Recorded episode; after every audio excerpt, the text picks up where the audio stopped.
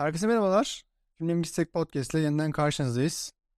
Bu bölümde bir bölüm daha programında Eurofre'yi konuşacağız. Euphoria biliyorsunuz son dönemin en popüler dizilerinden biri. Bir HBO yapımı. HBO yapımı olduğu için tabii ki e, kaliteli olması kuşkusuz e, tabii ki. HBO yapımı olup da kaliteli olmayan çok az dizi var sanırım. Benim şu an aklıma gelmiyor. E, sizin varsa yorumlarda belirtebilirsiniz. Ben şimdiye kadar pek çok HBO dizisi izledim. Ee, ama hepsi de hatırı sayılır bir kalitedeydi. Hepsi çok kaliteli dizilerdi. Ee, Euphoria da aynı şekilde çok kaliteli bir dizi. Hem kadrosuyla hem yönetmenliğiyle e, hem ışığıyla hem sesiyle her şeyle tam bir dizi. Ee, gençlik draması olduğuna göre e, kaliteye bir tık böyle altlarda gezinmesini bekliyoruz ama tabii ki bildiğin gençlik dizilerinden değil. Farklı bir janrda e, Euphoria. Dizinin ortaya çıkışı şöyle. E, bir İsrail merkezli bir dizi aslında. İsrail'den uyarlama bir dizi. E, dizinin yaratıcısı Sam Levinson e, İsrail televizyonu uyarlamış bu diziyi. E, aynı isimde İsrail'de de yayınlanmış durumda. E, o diziyi izlemedim ben. O versiyon nasıl? E, çok bilmiyorum ama e, Euphoria bitti tabii ki. E, bu boş anında, bu boş zamanda e, ona da bakmak istiyorum açıkçası. İsterseniz girizgahı yaptıktan sonra e, yavaş yavaş diziye başlayalım. E, Euphoria başta da söylediğim gibi bir gençlik draması e, ama bilindik gençlik dramalarından farklı. E, hayatın içinden, hayatın merkezinden alıp koparılmış bir parça gibi Euphoria. E, dizinin başrollerinde e, Rue Bennett rolünde Zendaya var ve e, Jules e, Wigan rolünde de Hunter Schiffer var. E, ikili dizinin başrolleri. Dizi 2019'un sonunda yayınlanmıştı ve 2019'un sonunda hatır sayılır bir kitlesini zaten yaratmıştı özellikle Amerika'da. E, ama ülkemizde çok fazla bilinmiyordu bu dizi. Biraz daha nişti. E, ama ilginçtir. 2022'de e, ikinci sezonu geldi dizinin ve herkes bir anda e, Euphoria konuşmaya başladı. Özellikle sosyal medyada çok fazla e, hakkında mim yapıldı. Hakkında çok fazla e, video içeriği yapıldı. işte konuşuldu. E, öyle ki Game of Thrones'tan sonra en çok konuşulan e, dizi olmayı başardı. Geçtiğimiz günlerde bunu Succession başarmıştı. E, ama Euphoria kısa sürede Succession'ın bu rekorunu egal etmiş durumda. Açıkçası dizi 2019'un e, sonunda yayınlandıktan sonra biliyorsunuz 3 ay sonra pandemi patladı. Pandemi patladığı için de e, dizinin ikinci sezonu gelemedi. Bu yüzden hayranları kitlesi heyecanla dizinin yeni sezonunu bekliyordu ama Sam Levinson e, hem ikinci sezonu çekemedi hem de hayranlarını üzmemek için iki özel bölüm yayınladı. 2021'in e, başında Ocak ayında yayınlandı. Bu özel bölümlerden biri e, Ru'yu anlatıyordu. Biri de e, Jules anlatıyordu. Bu özel iki bölüm tabii ki dizinin birinci sezonu gibi değildi. Biraz daha karakter bazlıydı. Karakterin üzerine yoğunlaşmıştı. E, ama nispeten iyi bir e, iki özel bölüm izledik. En azından e, Euphoria'nın bu boşluğunu e, bir nebze doldurdu. E, ikinci sezon ise aslında biraz sürpriz bir şekilde geldi. Çünkü e, normalde 2020'nin sonunda gelmesi bekleniyordu ama pandemi olduğu için tabii ki birçok yapım gibi Euphoria'nın yapımı da ertelendi. E, bu yüzden 2022'nin ilk aylarında geldi dizi. Dediğim gibi biraz önce söylemiştim. Çok fazla hayran kitlesini e, arttırdı dizi. Hem Amerika'da hem de Türkiye'de çok fazla izlendi. E, Game of Thrones'tan sonra en çok izlenen dizi haline geldi. E, ve tabii ki bu kitlesel e, hayranlık şeyi de birçok şeyi etkiledi. Özellikle e, Casey'nin ve Maddie'nin makyajı birçok kadın da e, onların makyajlarını öykünme hissi uyandırdı. Özellikle Maddie'nin e, makyajı çok fazla e, viral oldu. Herkes Maddie'nin makyajını yapmaya çalıştı. Bu konuda tabii ki Alexa Demi e, rolünde biliyorsunuz e, çok fazla üne kavuştu. E, Birçok yapımcı şu an e, Alexa'nın peşinde. E, hatta yeni projeler de açıklandı. E, yeni bir film projesine başlayacak. E, aynı şekilde Casey Howard e, rolündeki Sydney Sweeney da e, yeni bir filmle başlayacak. E, bunun da haberlerini vermiş olalım. Ve diziyi biraz daha konuşmaya başlayalım. Programın girişinde dizinin bir gençlik draması olduğunu söylemiştim. E, gençlik draması olduğu için böyle e, akıllara biraz daha cheese işler geliyor. İşte ne vardır bu işlerde? Biraz da aşk vardır, üçlü ilişkiler vardır. Belki e, uyuşturucu vardır, alkol zaten vardır. Amerika yapımı olduğunu düşününce e, bunlar etrafında dönen bir dizi akla geliyor ama e, Euphoria tabii ki sadece bununla kalmıyor. E, bu gençlik dizisi mefhumunu biraz daha farklı yerlere taşıyor. E, çünkü Zendaya yani Rubenet e, babasının ölümünden sonra büyük bir depresyon geçirmeye başlıyor. Büyük bir depresyona giriyor. Onun yüzünden biraz daha içe çekiliyor. Okulda da e, hayatında da ailesinde de biraz daha böyle aşırıya kaçan, tırnak için aşırıya kaçan bir karakter haline dönüşüyor ve e, bu rahatlama olayını biraz da uyuşturucuda buluyor. sürekli uyuşturucu kullanan biri Ru. E, bu e, uyuşturucu kullanma hali de tabii ki onu daha da yalnızlaştırıyor. Bu yalnızlaşma haliyle e, okula yeni gelen Jules'la da aralarında bir yakınlık olmaya başlıyor. Jules e, bir trans birey. Hatta kendini yeni yeni keşfediyor. Bu keşfetme süreci de biraz sancılı olduğu için e, hem Jules'un bu sancılı süreçleri hem Ru'nun sancılı süreçleri biraz da e, yakınlaşmalarını buradan sağlıyor. Biraz da bunun için yakınlaşıyorlar. E, aralarında tabii ki bir ilişki doğuyor. E, burada da tabii ki e, eşcinsel ilişki mefhumu devreye giriyor. E, son zamanlarda tabii ki bu eşcinsel ilişki mefhumu e, yapımları çok fazla işleri oldu. Çok tabii ki çok normal, çok e, olası bir şey ve e, aslında çok güzel bir gelişme çünkü e, görünürlükleri artıyor LGBT bireylerin. E, daha çok olması gerekiyor ama burada şöyle bir e, handikap var. E, biliyorsunuz Netflix bu konuları çok fazla işliyor ve bu konuları yavaş yavaş içini boşaltmaya başladı. Ee, insanlar rahatsız olmaya başladı. Burada rahatsız olma durumunu sadece homofobik, açık açık homofobik olan insanlarda değil, e, homofobik olmayan insanlara dahi e, bir antipati yaratmaya başladı. Çünkü e, buradaki mefhumu LGBT bireyleri olması gerektiği gibi işlemiyor. Bir yerde seksüel açılardan konular ele aldığı için biraz böyle insanları e, egzajer ediyor açıkçası. E, Netflix'in yaptığı belki de en kötü şey bu.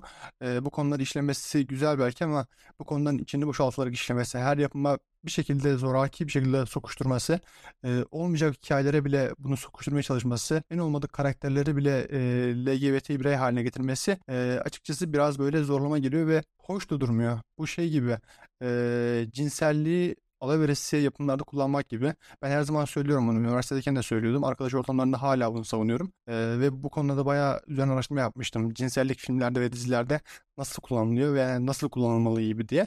Ee, burada karşılaştığım sonuç e, en iyi kullanan bu Joker'i, e, bu cinsellik mefhumunu en iyi kullanan tabii ki David Lynch. E, her filminde en usta şekilde kullanmayı biliyor e, yönetmen. Tabii ki dünya sinemasının şimdiye kadarki en iyi yönetmenlerden biri haline gelmiş durumda. Zaten yönetmenin sürrealist bir bakış açısı var.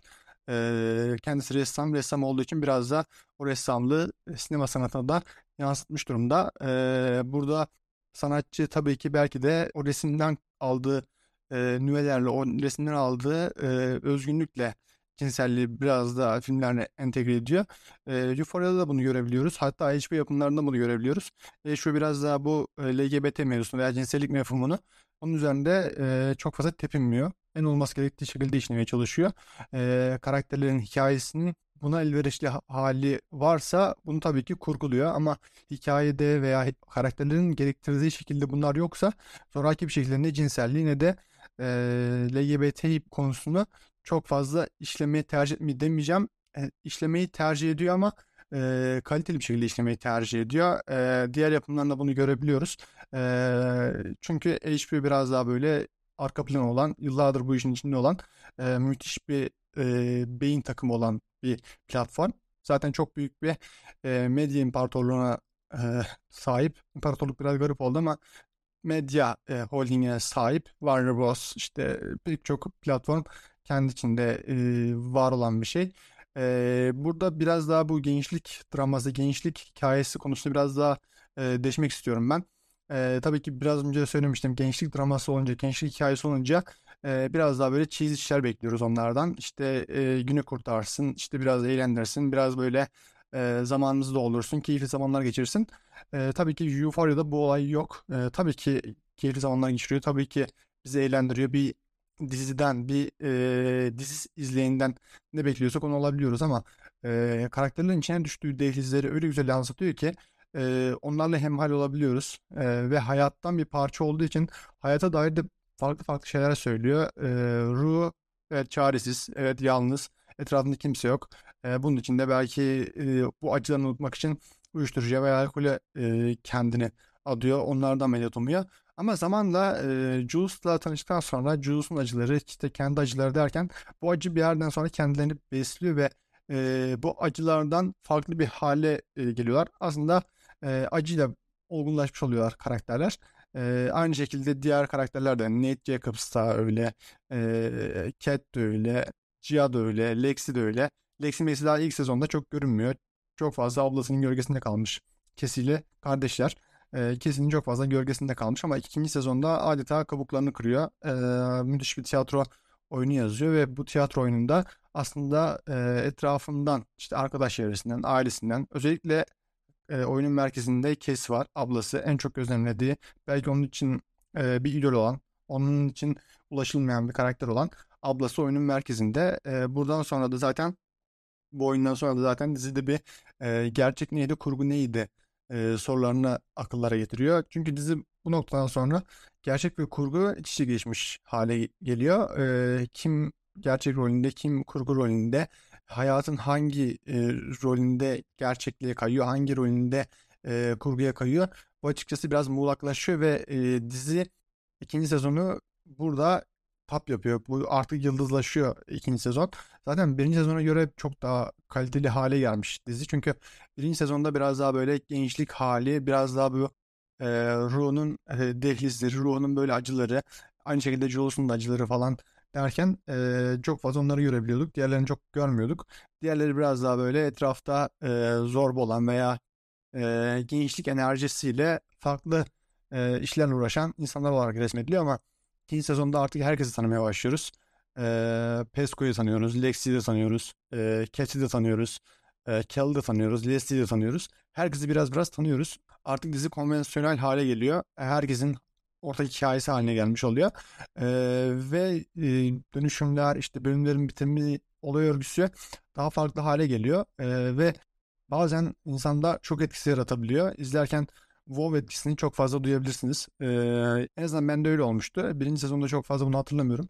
Sadece karakterlerle emal olduğumu, onların acılarıyla e, birebir e, nasıl diyeyim empati kurduğumu hatırlıyorum ama e, ikinci sezonda bu da var ama ikinci sezondaki bu atraksiyonlar biraz daha e, aksiyon biraz daha artıyor. Aksiyon tabii ki bu bilindik aksiyon anlamında değil. E, karakterler arasındaki çatışmalar biraz daha artıyor. Olay örgüsü biraz daha çetrefilli hale geliyor.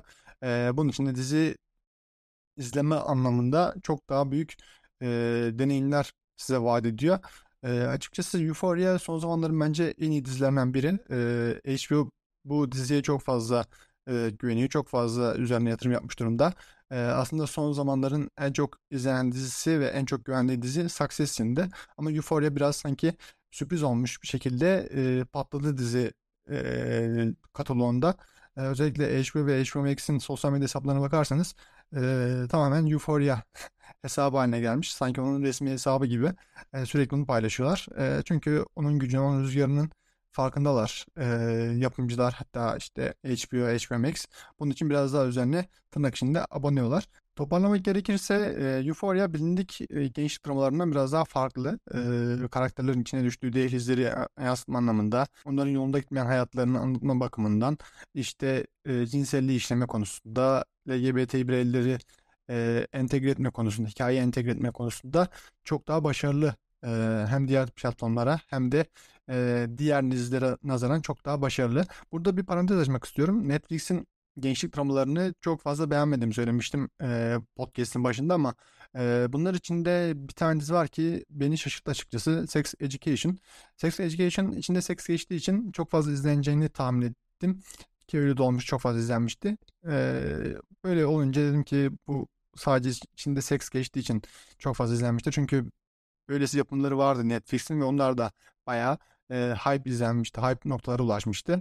E, uzun süre izlemedim ben ama bir arkadaşımın büyük ısrarları sonucu bir baktım ve bayağı dizi beni bağladı. E, çünkü burada da o cinsellik hali biraz daha böyle ve gençlik draması hali biraz daha böyle iyi işlenmiş durumda, iyi yazılmış. Özellikle Otis karakteri çok fazla e, üzerine düşünülmüş, çok güzel yazılmış. Hem komedisi hem böyle e, onun çektiği kendi cinsel kimliğini kabul ettirme hali çok fazla iyi yazılmış. Ee, özellikle diyaloglarını ben çok beğendim. Ee, diğer bölümlerde söylemiştim diyalogların iyi olmadığı yapımlar açıkçası benim çok ilgimi çekmiyor. Diyaloglar kötüyse direkt e, kapatıyorum bölümü. Hatta Hakan Muhafız'da bunu yapmıştım. Neyse konuyu dağıtmayayım. Sex Education'da Euphoria gibi e, cinselliği, seksi biraz böyle kullanmak için kullanmıyor. E, aslında o bastırılmış duygular işte tabu edilmiş bütün konuları alaşağı etmeye çalışıyor. İşte kadınların cinselliği konuşulmaması, işte özel işte regl konusunun konuşulmaması, işte prezervatif, kondom bunların konuşulmaması e, büyük bir tabu olduğu için bunlar üzerine çok fazla düşüyor. Seks eğitimleri veriliyor. İşte zaten baş karakterin annesi bir seks uzmanı, seks eğitme, eğitimleri veriyor. Bunun için dizi aslında konuşulmayan işte halı altında süpürülen her şeyi e, konuşmaya çalışıyor. Onların hepsini üzerine tepiniyor ve bunları normalleştiriyor. Çünkü insan doğasının en normal hali. İnsanlar üremek için doğal olarak e, cinsel ilişkiye giriyorlar ve bunun da tabu edilecek bir hali yok. E, sürekli yapılan dünyaya gelmemiz için yapılan e, şeyin konuşulması kadar doğal bir şey yok. E, onun için Sex Education beni biraz şaşırtmıştı açıkçası. E, aklımda hala e, zaman zaman işte kadın sorunlarının inceleme hali, işte erkeklerin üzerine kurulan işte bu güçlü olma baskısı, işte erkekler ağlamaz tarzı e, baskı halleri üzerinde sürekli e, işlemesi açıkçası Sex Education beni bu konuda da bayağı şaşırttı. Hatta bunun e, hakkında da e, filmimgistik.com'da bununla alakalı uzun bir eleştiri yazısı yazmıştım. Bayağı da e, içimizden bir yazıydı. Merak edenleriniz varsa web sitesinden okuyabilirsiniz diyelim ve e, son cümlelerimi edeyim Euphoria hakkında. Euphoria'da tabii ki dediğim gibi e, HBO'nun en böyle kaliteli dizilerinden biri olmuş. Dizinin üzerinden buram buram kalite akıyor. Her şeyle işte karakterleri işte mizansenleri ışığı sesi kurgusu. E, açıkçası Sam Levinson çok güzel bir iş çıkarmış. Zaten ikinci sezonun e, pek çok bölümünü hem yazmış hem de yönetmiş. Açıkçası bayağı e, yetenekli bir yapımcıya yaratıcıya yönetmene benziyor.